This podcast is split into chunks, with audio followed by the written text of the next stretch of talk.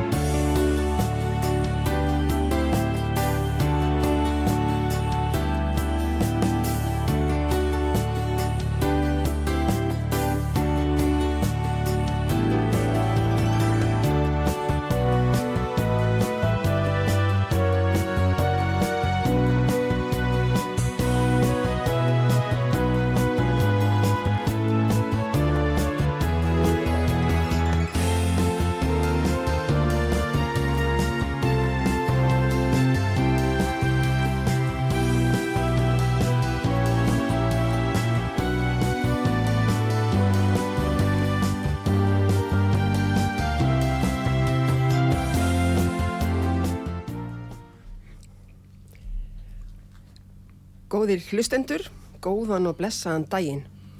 Þeir eru að hlusta á mentaspjallið og útvarpisögu. Ég heiti Valgerus Næland Jónsdóttir og viðmælandi minn í mentaspjallinu í dag er Dr. Meivand Þórólsson, professor emeritus við Mentavístas við Háskóli Íslands. Velkomin í þáttinn, hérna, Meivand. Já, Gaman að fá að spjalla við þig aftur og aftur Sum- og aftur. Mér finnst mjög gaman, hérna, þetta eru nú ekki búin að vera margir þættir, en mér finnst mjög gaman að heyra undirtektir bæði leikmanna og þeirra sem eru lærðir í þessum fræðum. Og hérna, þannig að ég sé það að það er bara alveg þessu virði að, að vera með þessa þætti þar sem að við erum bara, það er opið í allar áttir þegar við erum að ræða hérna um mentamál. Já, í núinu og bara marga áratugji aftur í tíman og yfirskriftin í dag má vera, sagðuru, fá einn undrunar efni tengd þróun mentakerfisins. já, Yfir til þín. sko eh, stærsta verkefni mitt, eða Já. doktorsverkefni það fjallaði sem sagt um já, ef að segja þróun mentakerfisins í 60 ár og þá ertu að tala um Og hvenar ferðu í doktorsnámið? Hvaða tíma ertu í doktorsnáminu? milli 2007 til 13 eitthvað Já, já, akkurat. Það, Og tímasetningar með í þessu allar svo mikilvægar. já, já, já Já, einmitt, akkurat. og þá sem sagt hins þetta vegar, skoða. sko, ég ætla að segja sko Já. eh, ég kynnist þessu kerfi strax bara frá 75 þegar Já. ég hef kennaranám Já. og hef fylst virkilega vel með því og til dæmis 75 þegar ég kem inn í kennaranám Já. þá vakti strax aðtikli mín að þessi mikla starfsemi í Ingólstrætinu Mm. að segja við skóla rannsóknar deild sem að er eitt af þessum ég vil segja undrum ekki neðkværi merkingu heldur bara merkilegt fyrirbriði í skólasögunni. Sem var stopnið 1966 já, og Andri Ísaksson? stóð til 84 stóð til 84 Já. þetta er ofsalega merkileg tím, tím, tímabil. Vissulega. En, en hins vegar sko það sem, það sem ég sá þegar ég fór að rína í gögn um þessa 60 ára sögu Já. þá áttar maður sig á því að það sem gerist þarna með þessum kvelli get ég sagt þarna í kringum 70 það verður svo margt sem breytist inntak námsefnis eh, námskrár kennsluhættir áttu að breytast að vísu var ekki eins mikil breyting á því eins og vildum, heldum Veistu hvað kemur upp í hugan hjá mér þegar þú talaði um það?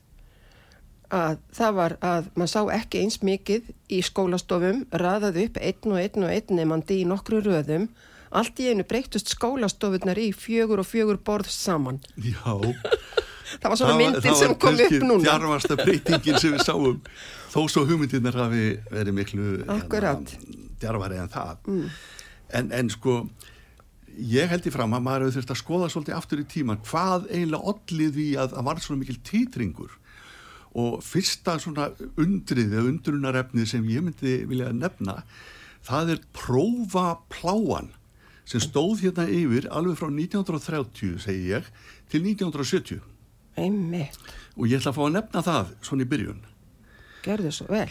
þarna var, vorum við að tala um sko kerfi með fullnaðaprófi, landsprófi og barnaprófi svo framvegis Úlingaprófi. úlingaprófi kerfi sem átt að stuðla jafnbretti, sérstaklega landsprófið mm. og, og svona réttmætu námsmati mm. síðan bara snýst þetta einhvern veginn í höndunum á fólki og Kristján Gunnarsson sem var skólastjóri í Langholmskóla og síðan fræslustjóri hann myndi sífælt á þetta.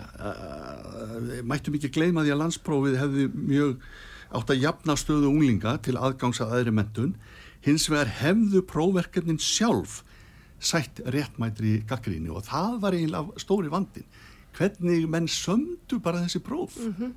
Og Helgi Eliasson fræslimálastjóri, hann saði eitthvað tjóman á blaðmannafundi að eitt helsta áhyggjefni skólamanna á þessum tíma veri ítróðslan þú maður þetta þessu orði? Algjörlega, þetta væri orðið gengdalaus ítróðsla, sagði Helgi. Einmitt. og Jónas Jónsson með þessi frá Hriblu, hann blandaði sér í þessa umræðu. Og það er nú maður sem að þótti velja sér oft stór orð um hlutina.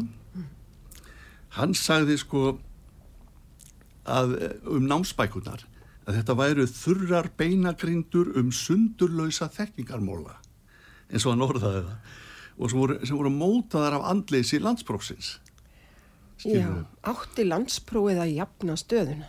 Já, en þetta einhvern veginn snerist þetta upp í einhvers konar bóknámstyrkun Á ég segja þér hvernig ég sem upplifið þetta. fór einhvern veginn úr böndum. Já, þegar ég hugsa tilbaka, ég ákvaða að fara ekki landspróf, ég hef sagt áður hérna í þætti, ég ákvaða að fara í þriðja og fjórðabekk í gagfræðabós, þannig að ég tek gagfræðaskólan frá fyrsta bekk upp í fjórðabekk Já, og ég ætlaði í kennarskólan, ég vissi það og það þurfti sem sagt hérna landspróf eða gagfræðapróf til þess að komast í kennarskólan. Ég, ég, sko, mér finnst landsprófið hafa verið að búa til elitu.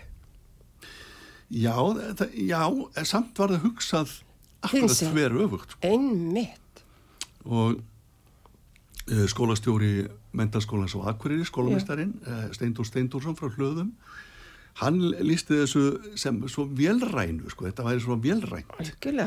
Og, og sáralítið væri oft séð á svörunum hvort um skilning væri að ræða eða bara reynan páflugslærdóm eins og hann orðaði það. Já. Og það væri spurt alltaf um svona smáatriði sem væri vel fallin til svars en gæfi ekki endilega raunverulega mynd af já, bara mentun eða skilningi nefnda. Umforvetnilegt. Og framsetning prófatriða, og þetta er líka það sem að kannski fólk hefur líka staldrað lengi við, var svo einhæf og einsleitt. Það var bara hvar, hver, hvenar og svo framvegis eins og, eins og við munum. Nefndu, nefndi, lýsið, Já. segi frá Já. og hér eru dæmi um prófatriði, til dæmis í söguprófi frá 57, segið frá Haraldi Hárfara. Það er nefnilega það. Þannig áttu nefndur bara muna allt sem þau gáttu um Harald Hár, Hárfærað. Segið frá dreifusmálinu, þannig í Fraklandi. Já. Þegar geðinga ofsóknir voru þar gangvað dreif, þessum Alfred Dreifus. Já. Og svona held þetta áfram. Landsprófi 1960 nefni tíu jökla á fjöll á suðvesturlandi á svæðunum millir kvítár í borgarfyrði og kvítár á suðurlandi og það, þetta, þetta var alltaf svona tær minnisatriði Einmitt. Hvað að mörg bönn gætu þetta í dag? Upp í tíundabekk? Klárlega bara enginn. Ég, ég saði nú bara uh, kona mína, ég var kannski að prófa að fara með svona spurningu inn á alþingi. Sjá hvort að... Hvort að þeir gætu. Já. Þau gætu. Og hérna, 1959, landsprófi í landafræði, nefnið þrjár ár sem falla að hagra megin við Dóná. Já! Svo ætla ég að nefna eitt dæmi viðbútt. Nefnið áttategundir, þetta er í náttúrfræði 57. Já. Áttategundir slíður hindra jórturdýra. Takki fram um hverja tegund, hvort hún er vilt, tamin eða aldauða og um viltategundir hvarðar lifa. Dásamlega. Þetta er sko, þetta, nú er ég ekki endilega að draga þetta fram til að sko, hæ, hæðast eitthvað að vinnubröðunum. Nei. Heldur frekar til þess að gefa okkur myndaði hvað þetta var einsleitt og, og, og svona e, reyndi ekki á raunverulega myndun eins og við höfum rætt um síðar. Já, og eins og kom á daginn þegar e, hérna, skólaransnóteinnin var til og þánga komu sérfræðingar í námsmati eins og Þurriði Kristjánsdóttir og Óla Proppe sem höfðu lært í bandaríkjónum og Sigriði Valgers og Sigriði Valgers, vissulega. Já.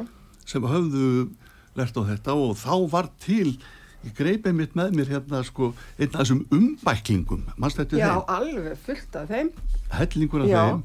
Og hérna er einn umbæklingur sem ég hef mér svolítið haldið mikið á lofti sem heitir um námsmann Já, ummitt og þetta er 1980 og þarna er meðalans sínir svona reglugjær frá 1980 um bæði námsmatt og, og samræmpróf þá erum við að sjá alltaf að mynd af hefur að segja hugmyndum manna um próf fram, framsendingu próf atriða. Já. Þannig að þessi umbæklingur Já, einna, er, hann ekki, er hann ekki að lýsa því sem að var í rauninni heldur einhvern hugmyndum um það sem að ætta að vera? Já, þetta eru viðbröðin sem koma hann í skólræðast og deild eftir á sjönda áratögnum Já, við þessu prófa æði sem var fyrir. Já, já rétt að taka það skýrt fram að uppvæklingarnir, þetta voru merkileg rít mjög merkileg, já, nokkra ítalegir, bæðum já, sögukenslu, ellisfræðikenslu og svo frammeins já, já, líffræði. Og þarna var fyllt þessum nýjungum. En hvað sem veru líður þá ég vildi bara draga svona fram dæmi um þessa, þessa einkennilegu þróun að því að frá 1920 þegar Stengrimur Arsson kom úr námi í, í, í Kolumbíu háskóla þá var hann með svipaðar hugmyndir og við sáum ekki fyrir þessum 40-50 árum síðar í skólarhansnóttil. Ég veit að Columbia University já. er bara allt annar skóli. Þar var Thorn, Ed, Edward Thorndike til dæmis. Já, já. já. Sem Sigriði Valgers held mikið upp á. Já. Þýtti eitthvað Thorndike málþráskapróf og svona. Nákvæmlega, já, sem að var notað hérna í sexáradeildum í gamla dag já, og, og síðar kem, koma svo Benjamin Blum og félagar með hérna, þetta flokkuna kjörði markmiða Einmitt. sem var stuðst við líka einmitt í þessari reglugjær hérna. Já, já.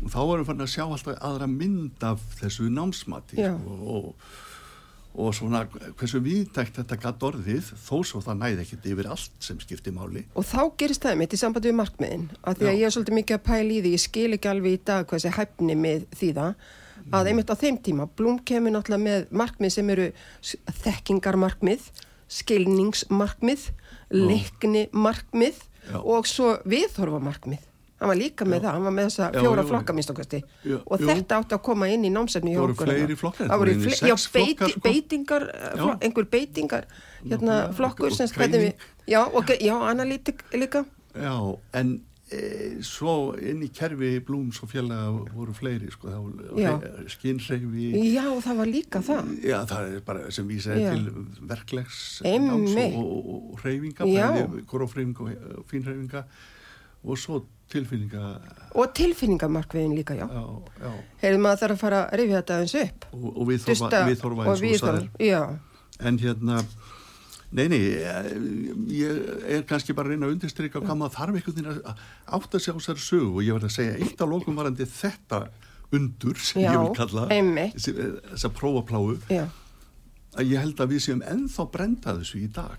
Einmitt. ég er ennþá að hitta fólk sem að segja sko, nei þetta það, það fólk ef, það kemur, ef kemur með svona samrænt miðlegt próf þá ert alltaf í einhverjum svona eh, þekkingaratriðin sem skipta kannski minnstu máli en það er ekki, ekki hárið sko. en í þessu sambandi þá tettu mér í hug 1994 þá tek ég að mér að verða skólastur í smáraskóla sem er nú bara skiptir í rauninni engum máli í hvað, hvað skóla. jú, jú, Heyrðu, því þá er ég nýkomin úr mistarannámi frá Breitlandi mm. og er uppfull af einhverju svona jákvæðu og svo framvegis og vildi ekki hafa neinar engunir og, og neinn Já. próf.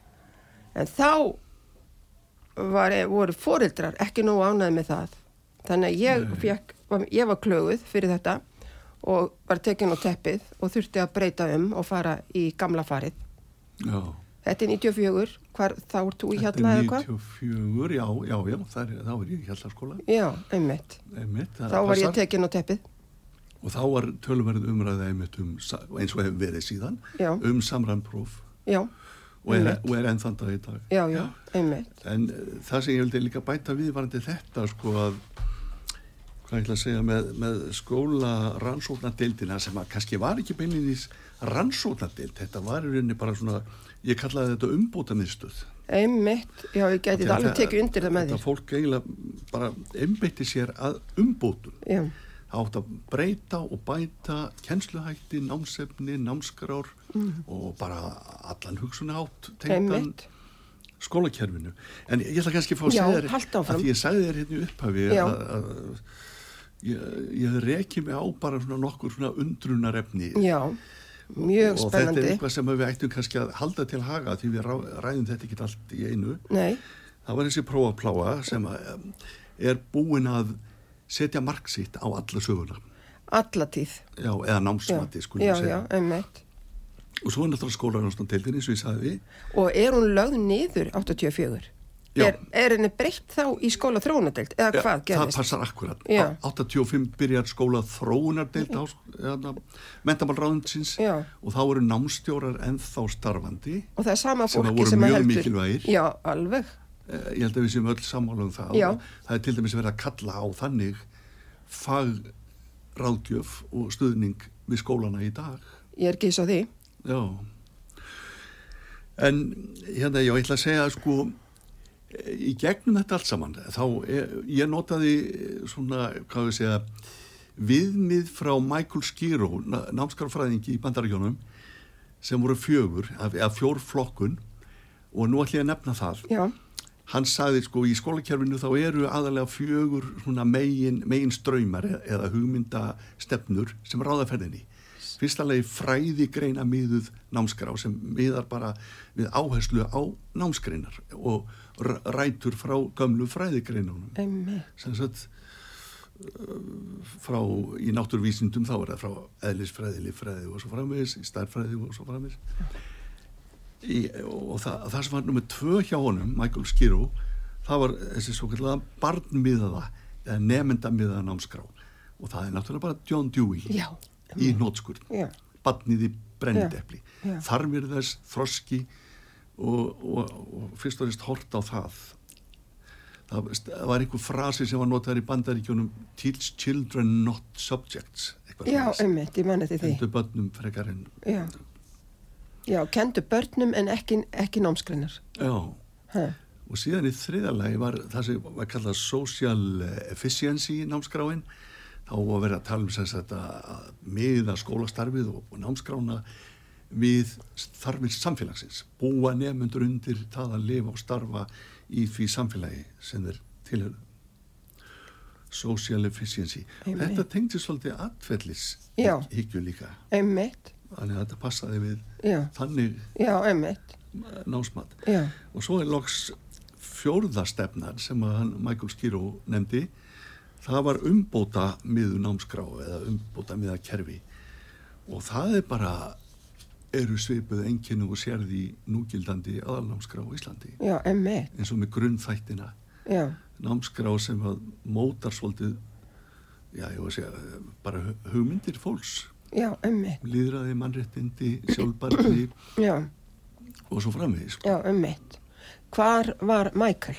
Hva, við hvaða háskóla var Já, hann? Michael Skiro, hann starfaði við í Massachusetts Já, já, ég held að bara verið við háskólan í Boston já, um mitt. og það mikilvægt ekki- að vita hvaðan þeir koma því að Já. þá, eins og, þá veit maður svona nokkurn veginn sko úr hvaða hugmyndaheimi. ég held að sé á lífi ennþá og, og Einmitt. ég veit að Andri Ísaksson hann vitnaði í Michael Skiro sko 1983 Einmitt, þegar hann er að skrifa um námskrár fræði já, en, það, en já, ég ætla að fá að nefna þessi endilega, mér þessi finnst þetta mjög þessi spennandi. undur sem ég kalla Já, bara það er þessi gaman að þessu. prófa að pláa svo er Já. skólarastofdeldin sem ég kalla umbóta miðstöð frekar Já, einmitt, og svo er þetta það sem við köllum nýbreytni og breytingar í orði frekar en á borði einmitt. Tala Michael um það? nei, Eða- nei. þetta er bara eitthvað þekkt í skólasögunni sko. Já, einmitt, allstaðar, eða víðaskvarm sko, stíl. já, einmitt. Og til dæmis þetta, þessu hefur verið snúið upp á Thorndike og Dewey. Já, Eh, til að skilja skólasöguna sagði Ellen Lagerman eh, þá til þess að skilja hana þá verður að áttaði á því að Thorndike vann. Einmitt. hvað þýði það? Tæknihyggja og svona velrænt eh, skýr markmið og próf. Svo stefna vann þú varst einmitt að lýsa því á þann þrýstingnum sem þú vart fyrir þegar þú vildi reyna að breyta þessu. Já, einmitt, en Dewey tapaði. Já, einmitt. hins vegar uh, hafa menn bent á og við vitum John Dewey og hugmyndir hans deyja ekkert sko. Nei, þeir lifa. þetta, það er lifa og við, fólk er stöðugt að ef að segja þroska sig og þróa samkvæmt ímsum hugmyndum aftur kjómum að þessu sem við sögðum hérna síðast þetta er ekkit svart eða hvitt sko. Nei, þetta er ekkit annarkvort eða John Dewey sagði mér sér sjálfur þegar út að ræði mentun það er ekkit in terms of either ors Einmitt. þetta er bara reynda áttaði á því bara hvað skiptir miklu má, eh, mestu máli í því samingi sem þú ert nú svo þessu tengt þá, ég veit, ekki hvort þú er hirt vittnaði það, ég held að það hef verið mentamar á þeirra í Noregi sem sagði sko að breyta skóla er eins og að ætla að flytja kirkjugarð Já, ég mann eftir þessu. þú mæstu þessi, Já. þú færði ekki aðstof frá viðstöðum Nei, það er nefnilega málið. Þú færði ekki aðstof frá viðstöttum. ég, ég held að þetta verið verið norskur mentamar á þeirra sem sagði þetta Já. og það er svolítið til í þessu sko að að þetta eru íhaldsama stofnanir og það hefur marg, marg verið bent á það, skólar skólakerfið. Við sjáum bara framhaldsskólana hjá okkur. Þú, þú breytir, þú gerir engar gaggira breytingar, það er þetta að stofna nýjan skóla með alveg nýtt kerfi en þú breytir ekki þessum hefðum. Ég held að Guðni rektor í MR hafa einhvern tíma sagt sko fyrst, skal ég bara snúa baki við öllu sem heitir mentakerfi en, en hérna, heimilisfræði verið kend í mentaskólum í Reykjavík sko. Einmitt. Já. Me- menn eru bara ekki tilbúinir að rífa neitt upp sko. En bara að þú segir þetta, þá er ég svo ég búin að vera mjög undrandi síðustu ár yfir einni breyt, breytingu sko í framhaldsskólum. Það fylgir því að hver framhaldsskóli að búa sér til sín eigin skólanámskrá og, og ákveða allt sem þeir eru að gera. Finnst eitt ótrúlega skrítið, ein skrítin breyting. Það er breytingin á heitunum á áföngunum í framhaldsskólanum. Já, hérna fyrir bara nokkrum árum síðan þá var svo auðvelt fyrir nefnendur að fara á milli framhaldsskóla. Ég meina það er náttúrulega alltaf þannig að fólk flytur á milli og svo framvegis. Og við vissum alveg, við, við, höfum, við vitum öll sem erum svona aðeins í eldri kantunum, við vitum öll hvað starffræði 102 þýttu Aha. í dag er ekki lengur starffræði 102 held í neinstæðar þannig að og ég veit til dæmis um kennara í framhaldsskólum, þeir eru líka svolítið ringlaðir yfir öllum þessum nýju heitum á öllum þessum áfengum. Akkur getum við ekki bara farið tilbaka og látið þá á, þess, látið þessa áfanga sem voru hundra áfangar, neði heita það. Akkur getum við ekki bara haft þetta svolítið einfalt? Akkur þurfum við alltaf að vera að breyta og allir verða svo rugglaðir það eru mjög margir rugglaðir yfir heitunum á áfengunum í framhaldsskólum Íslands í dag. Bara fyrst þú nefndir þetta bara meðvand minn. Já. Þetta er náttúrulega varð frjálst alveg eftir að 99 námskóin En fyrir hvern er þetta? Ég veit það, en fyrir hverja er þetta? Já, nú, er, nú hafa skólanir bara frelsi ef ég skil rétt um að móta sína áfanga og Já, já, já, já, en svo veistu það, framalega sem að málið það er verið að fylgja ákveðnum svona grundvallar En málið er það að þessir áfangar eru bara eiginlega, sko það er til 102 áfangi í öllum framhaldsskólum, Hann, í- þeir heita bara mismunandi hluti eftir mismunandi framhaldsskólum. Já, Já. Ef ég væri mentamálur á þeirra þá myndi ég láta þetta á oddin að leifa fólki að, að vita hvað er hvar. já. En eh, sko, þetta tengist nú einu atriðinu sem ég vildi nefna, það er, um, það er stöðugt talað, það er alltaf talað um samfellt skóla, skólakerfi, samfellu, Já, en við sjáum aldrei, hún kemur aldrei, sko. Hún verður aldrei til þessi samfella. til Þetta er eins og bara heimar sem algjörlega ótengtir heimar. Einmitt. Og þetta byrtist bæði í smáatriðum og stórum atriðum. Mm. Leikskólinn með sínar áherslur, áherslu á leikinn. Leikurinn er aðalkjænslu aðferðin, Já, svo frábært já, hjá þeim. Já, og, og svo er grunnskólinn með þennan, allan þennan hugmyndagraut sem vorum að tala um áðan Einmitt, og svo er framhalskólinn náttúrulega fyrst og fremst fræðikreina miðaður. einmitt. Er hann að horfa? En, en Já, já, heyrðu, við hérna höfum um nóg að hugsa í auglýsingarlíðinu. Nú steini að minna okkur á það að það sé komin hérna, auglýsingartími. Þannig að við gerum bara stuttlið með vant minn. Þannig.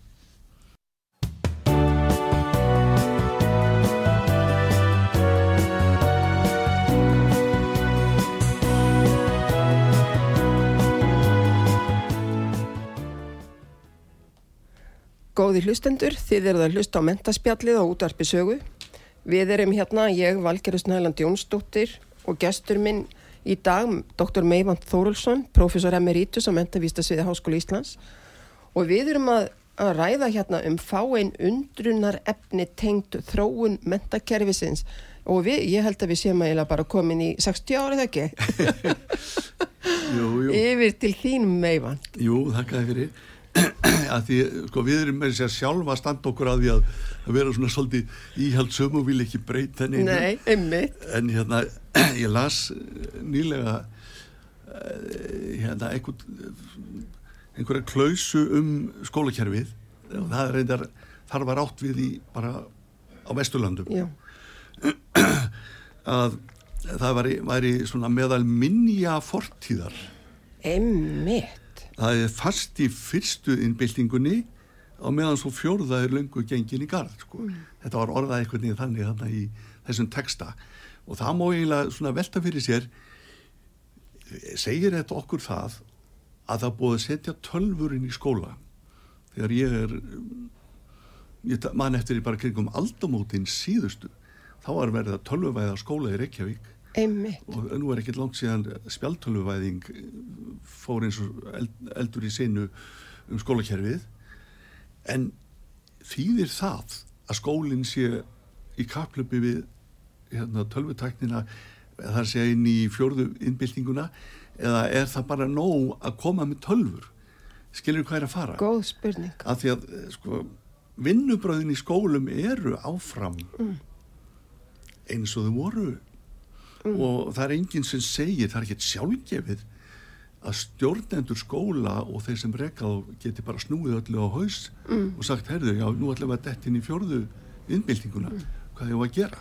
Með gerfi greind og öllu er hvernig já. ætti, ætti það að gerast Mér finnst þetta einmitt líka forutnilegt einmitt, þetta er bara spurningin líka eins og um hlutverk grunnskólans. Hvers konar fyrirbæri er þessi grunnskóla okkar? já, Og hérna í einu viðtali einhvern tímann þá nefndi Sturla Kristjánsson, fyrirverandi fræðslustjóri í Norðundi Istra og sálfræðingur. Hann nefndi sko að grunnskólinn, þessi tíu ára grunnskóli, skildunum skóli, hann ætti bara að vera uppeldis stopnun. já Hann hugsaði, hann hugsaði það þannig. vildi hann þá í rauninni ekki sjá kennslu námskreina Ég þarf eiginlega að spurja hann út í það, já, nánar. já, Ha. En honum, hann tók svona til orða. já sko það, auðvitað er þetta allt Já. saman álitamál Já. ég, nú bara eh, segi ég eitt sko, nú ætlum ég að vitna í Guðmund Fimboðsson frá 1903 í lífmentun Mm. hann talaði bæði um mentagildi og hagnitgildi í námskreina og hann, hann taldi náttúrvísindi eða náttúrfræði vera, vera mjög mikilvæga námskrein og mikið gildi, Já. bæði mentunarlegt gildi og svo, eða mentagildi og svo líka hagnýtt gildi. Mm. og það, það liggur í augum uppi að manneskja sem er upplýst og vel að sér um, að segja bara þessa reiki, sérstæðu reikistjörnu sem við búum á og, og alla hennar eðlisfræði og náttúrfræði og, og, og hún náttúrulega er miklu, miklu, miklu betur stödd heldur en manneskjan sem hefur í fyrsta lengan áhuga á því og vill ekki læra um það og fær ekki einmitt, kennslu um það já, sem að ég því miður held að Já. þekkist í vestrænu skólakerfum að það er kannski bara stundum af skortum skamti þessi mikilvæga mentun í náttúruvísindum. Einmitt, Það er mín skoðun. já, já, En, en sko, svo maður vitni bara í Guðmund, aftur, það er langur merkilegu kapli um mentunar hugtækið. Hvað er, hvað er mentun? einmitt, Hjá honum, já, sem ég myndi ráleikja öllum að lesa, hann er á vel við í dag, Já. að því þú vitnar í störlu. Sko, það, þetta er ekki spurning um uppbeldi og, og kjenslu námskeið, þetta er bara Já. spurningin Já. um það sem Djúi sagði gerðu upp við því hvað þú telur verið mikilvæga mentun og Einmitt. farðu svo að skipulega, skipulegja í kringu það. já, Sturla nefndi sko líka áttagafræðina. Ah, það vildi já. koma áttagafræðin inn í allt og það er akkurat það sem er. Það tengist nú bara tölvert það er nefnilega það sem er. Sko. Ég er alveg sammála um það. já, Leiðilegt að það svið skuli hafa Horfið. já, það er svo margt sem fjall út með því. Já, og þá finnst mér líka sko bara eins og frumkvæði kennara. Við vorum alltaf að búa til hvernig einasta tíma út frá áttuðafræðinu við fengum ekki námsefni tilbúið. Heldur vorum við í, í rauninni þess að undirbúa hvernig einasta tíma út frá svona bara ákveðnu, ákveðnu ramma. Já, að hérna, mér dettur í hug hérna, þú veist, það er einhver, einhver lækur einhver staðar, bara í grundafyrði eitthvað. Ofsalega fallegt umhverfi það er í kringu skólan á að fara og nota bara lækin sem kennslutæki kistufellið Ömundur Sigursson hérna eh, landfræðingur og skólamaður Já. eh, var upp í hvað er lók 19. aldar hann var alveg sko mjög framsækin maður á þessu sviði sko hann vildi bara meina mentunin ætti að fara fram í landafræði og Einmitt. náttúrfræði utandira Já, einmitt. bara í, tengslu við náttúruna Já, pluss heimilisfræði og íþróttir.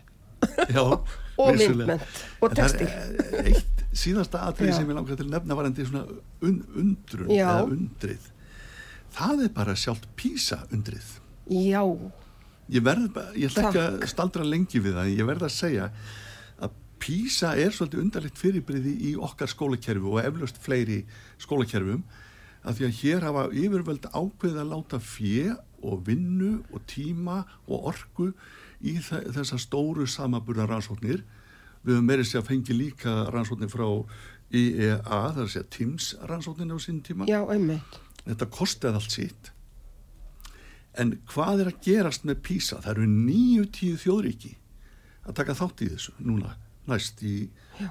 bara næsta ári og e, sko einn ein sem lísti þessu hann sagði þetta er að verða svona eins og tróju hestur nattvæðingar Einmitt. Það er að PISA er að verða svona leið til þess að staðla Já, öll mentakerfin einmitt. í heiminum. Já, Þau verða bara einsleit og stöðluð með þessu áframhaldi að hans mati. hver En- sagði þetta aftur? Þetta var breyti, ég bara get ekki munað, Nei, nei, við eftir að komast að því. já, já, já, já, Já. En það hefur verið vitnað svolítið í hann, sko, varandi umæli hans um písa. og Það eru mjög margir sem hafa náttúrulega verið að fjalla um á ítarlegan og, fræðilegan verið sér hátt um písa, bæði kosti og galla. Einmitt. og eh, ég, ég segi að þetta sé undur í þeim merkingu, þeirri merkingu að PISA hefur bæði stóra kosti og stóra galla Einmitt. þessi stöðlun er að margra mati hæpin og tala ekki um þegar fólk dettur í þessa en, en hann æsing varandi röðun landa hvar stöndum við? Einmitt. á þess að uh, rýna neitt í samhengið. En hitt náttúrulega má líta á ég, skoðast í starffræði og, og vísindum eða náttúrvísindum að þetta er sennilega besta leiðaljósið sem þú hefur varandi svona í, í skólastefnu á þessum sviðum.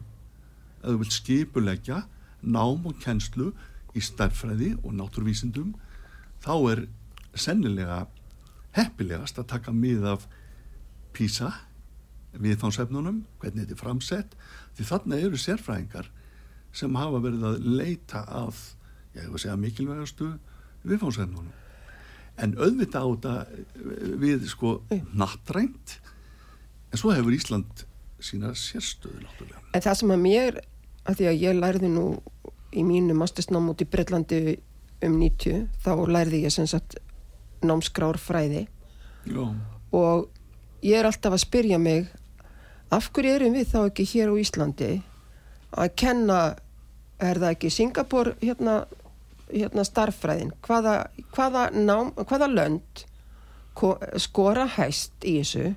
Og akkur tökum við þá ekki bara upp þeirra námsefni?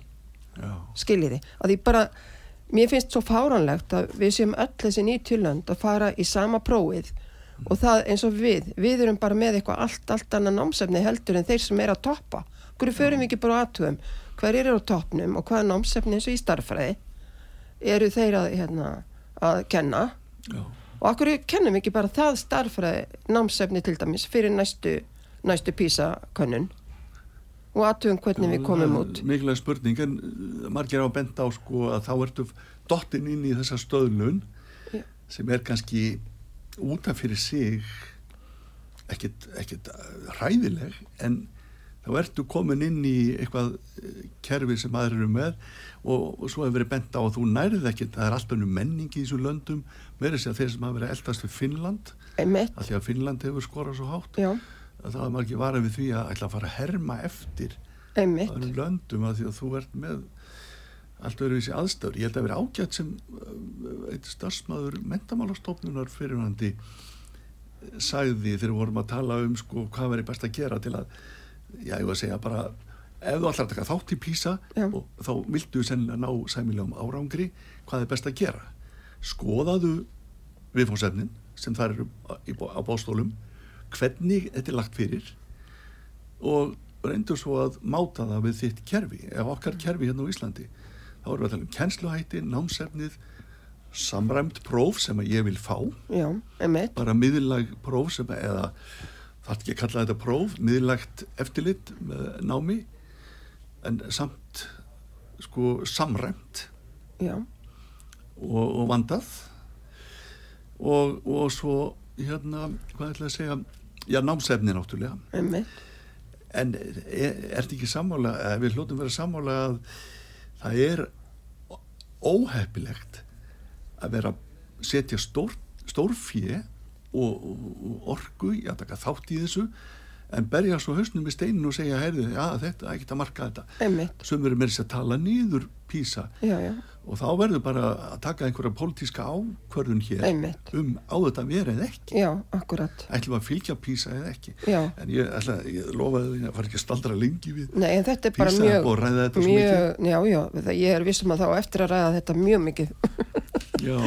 Ha, en, en eh, eittvarandi þannig að nútíman já, ég varum að ræða þetta einhvern tíma við Jón Pétur Símsen já, þegar að vera að skella inn í skólana svona einhverjum hugmyndum með þessi upp að krakkarnir er að vera með upp að gera hitt og þetta já, og fara svo að googla og leita og upplýsingum að, þetta er sko þetta gæti orðið í höndunum á okkur bara eins og nýjufötting keisaran sko. Við, við erum ekki að ná neinum árangri með þessu sko. við erum þá að vera eitthvað, með eitthvað skinsamlegt kerfi í kringum þetta og stjórn á þessu. Já, ég veit ekki með þessu upp. Ég, ég er ekki fann að sjá hvað blessu börnin er að gera með þessu upp í skóla. Annað en kannski bara að já, dæra stytting eða eitthvað. Ég er nú bara alltaf bara í þarna pælingunni um hugur og hönd sko. Já, ha, Já. ég vil bara vera með blíjanda og, og strókleður og, og eitthvað En- til að skrifa og, og bara fá þjálfin í, í gegnum hendina og tengingu við höfuðið og, og svo framvegs Hmm. Já, ég er nú bara sammálaðir sko. Já, í þessum tíu Manneskjan ára er ekkert gerð bara fyrir það að Nei, sitja með gapandi með augun á móti tölvuskjá sko, og á þess að gera þetta annað. Já, og ég held að sé bara til fyrirmyndar ég held að hafi eh, verið í skólanum og eigilstöðum sem ég sá dæmi um í fréttum að þau eru bara með skipulagt eh, kerfi á því hvað börnin eru að gera annað en að vera í símum og tölvum það lýst mér vel á í frístundum Já. já. Já. En auðvitað viljum við nýta tæknina eftir því sem að skinsamlegt þykir já, ég held að við blekkjumst svolítið mikið af henni sem miður þá held ég að sé ættu því sko. En svo er að því við höfum verið að tala þannig um sko, það, það er ímislegt sem gerir. Það er fullt af alls konar hugmyndum sem fæðast og það koma stefnur og, og, og stefnuplögg og, og skólanast og allt þetta. Já, ég er vissum að við myndum ekki finna marga starfandi kennara í skólum í dag sem að vita eitthvað um starfsemi skóla rannsóknadildarinnar það held ég að séu mjög fáir. frá sjönda og áttunda einmitt. Og já, ég veit ekki sko við verðum eiginlega að rýna í það. Hvað er það sem klikkar sko eða Einmitt, ég, að þú talaðir við Ingólf Áskeri Jóhannesson ég mæntir hann saði eitthvað tíman já, það, það lifir alltaf eitthvað Já. þessum hugmyndum. Já, en í mentakerfinu er eitt mikilvægt hugtak tæmlag já. tímatöfin. Það er eitthvað sem að blundar og allt í einu nær flugi. Einmitt, og það er, kannski má segja það um hugmyndir Dewey's en, en allt þetta sem var í gangi þarna e, í skólanstótteldinni við verðum, ég, ég finnst að fólk verða að rýna meira í þetta heldur en orðið er.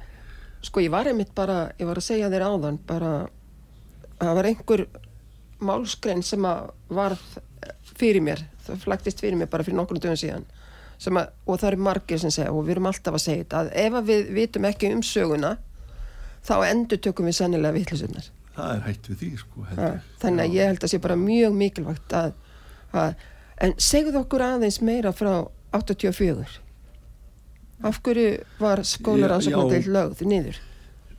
Ég sko, nú kann ég ekki að skýra frá því og það er ábyggilega flókið mál en ég man eftir eh, hvernig það urðu mikil læti um mitt, tengt þessu svo kallaða sögukennslu skamdegi já, sem Gunnar Karlsson sagfræðingur kallaði svo um mitt og það var fyrst og fremst kvellurinn sem varð út af sögu og landafræðikenslu já, þetta var í rauninni bara bylting og menn bara viðkjöndu það.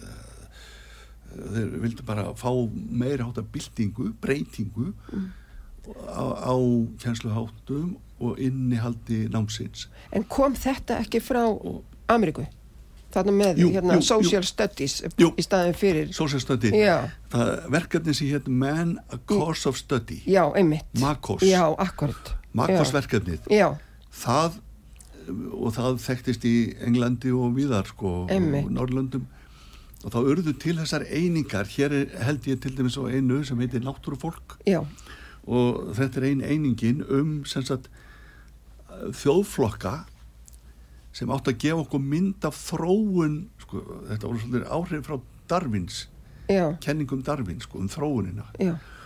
Og þarna voru svona hefti um náttúrufólk um bavíana einmitt, eh, líf í köldulandi, líf í heitulandi. Þegar ég er að kenna hann á, á lögulandi Holtum þá voru kennararnir hann á miðstíðinu í 10-12 ára bekk voru láta nefnendur meiri sér að búa til mótel sko tjaldbúðir Já. eins og í Tansaníu og svo snjóhús eins og í köldulandi hjá Inuitum já, og svona var námið. Já, ég man nú vel eftir þessu. en svo varð allt brjálað með skilst í bandaríkjónum þegar var færið að kafa dýbra, þetta voru ekki bara að reyta násefni, þetta voru s- eh, hljóðspólur og ímislegt annað og myndir. Þá bara er verið að draga upp mjög sko, já, ég var sterkar myndir af lífverðni fólks eins og til dæmis á norðurslóðum. Já, þar sem að til dæmis sjá ínúítum þá er þeirra þetta rátt rá innibli úr se- selnum já, og skilja gamalmenni eftir út á Ísnum þegar þau voru að býða eftir döðanum einmitt, og þarna voru bara siðir sem pössuð ekkert við vestræna siði. Mhm. og ég sá það í einhverju bók sem ég laga sko að það urðu bara foreldrafélög sterk í bandarækjónu sem að bara reysu gegn þessu. Einmitt, en svo náttúrulega um, voru þetta var mikil umræðu alþingi hérna um þetta og menn spurðu sko á að hætta að kenna e, landafræð og sögu. Einmitt. og hún hérna Ragnhildur? Helgadóttir Já, sem tók við sem ráð þeirra eitthvað 83 held ég. held að hún hafi bara sagt sko, heyrðu nei, nú, hér skulum við stoppa. Nú ætlum við bara að fara að taka upp kennslu í sögu og landafræði aftur. Og það, það, það líður ekki nema ár þá er þetta bara búið búið spil. Einmitt, og það er eins og hitt hafi bara fyllt eftir. Og við rættum hérna um daginn um mengi og, og nýstarfræði einmitt. Nú er ekkert margir endilega sem kannast við þrýliðum Nei, nei, eiginlega mjög fáið sem kunna hana. En þetta var eh, hérna, ef að segja, tæki í starfræði til að leysa svona hlutfalladæmi. Algjörlega, og, og, og hérna mjög þart, rosalega upplugt tæki já, en deilurnar stóðu alltaf rosalega mikið um það hvort að nefndur læriðu bara velrænt hvernig átt að leysa þrýliðu eða, eða læriðu hana til skilnings. Einmitt, og, og nýstarfræðin vildi svona leið okkur meira inn í skilningin þó svo það hafi ekkert alltaf tekist. Nei, í staðin fyrir þrýliðu þá komu jöfnur með hlutfallum já, það var ein stærðin óþekkt, þrjár þekktar og svo áttur bara markvaldi kross og og það er náttúrulega mjög tæknilegt, það er ekkert margir sem Já. skilja það. Nei, Það er verður og kennslan í dag er mjög oft svona einmitt tæknileg. En þetta síndi bara hvað þetta var erfitt bæði að því þú talaðir einhvern tímann um rofið gagvart heimilónum Já, og já, foreldrum erfitt að útskýra fyrir heimilónum já, hvað var í gangi. Já, einmitt, og með námsbókum Agneti Bungor og Efu hana, voru tveir höfundar. Já, þá voru komnar ennþá sko flóknari útskýringar á svona einföldu fyrirbreyði Já. sem þrýliðan var. Einmitt. Bara Já. sem dæmi um Já. hvað var í gangi Svo datt það bara út, það námsefni. Já, þetta, Já. ég held að Anna Kristjánsdóttir með Já, þess að já. hafi skrifað um þetta hún sagði foreldrar og reyndar kennara líka Já, þeir bara náðu þess ekki nei, nei, hvað var í gangi já, ég man það líka. ég kendi þarna 78 mann í starfræði á ynglingastíði Mhm.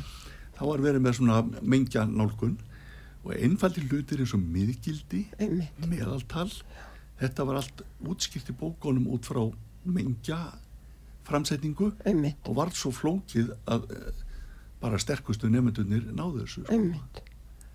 það verið að nota semst breytur og tákn og mengja framsetninguna til að útskýra alltaf einmitt.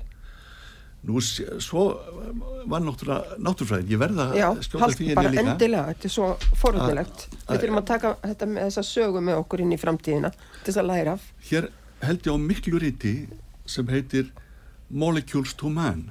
Þetta var gefið út í bandrækjanum og þarna setti allríkistjórnin fullt af peningum í námsefnisgerð.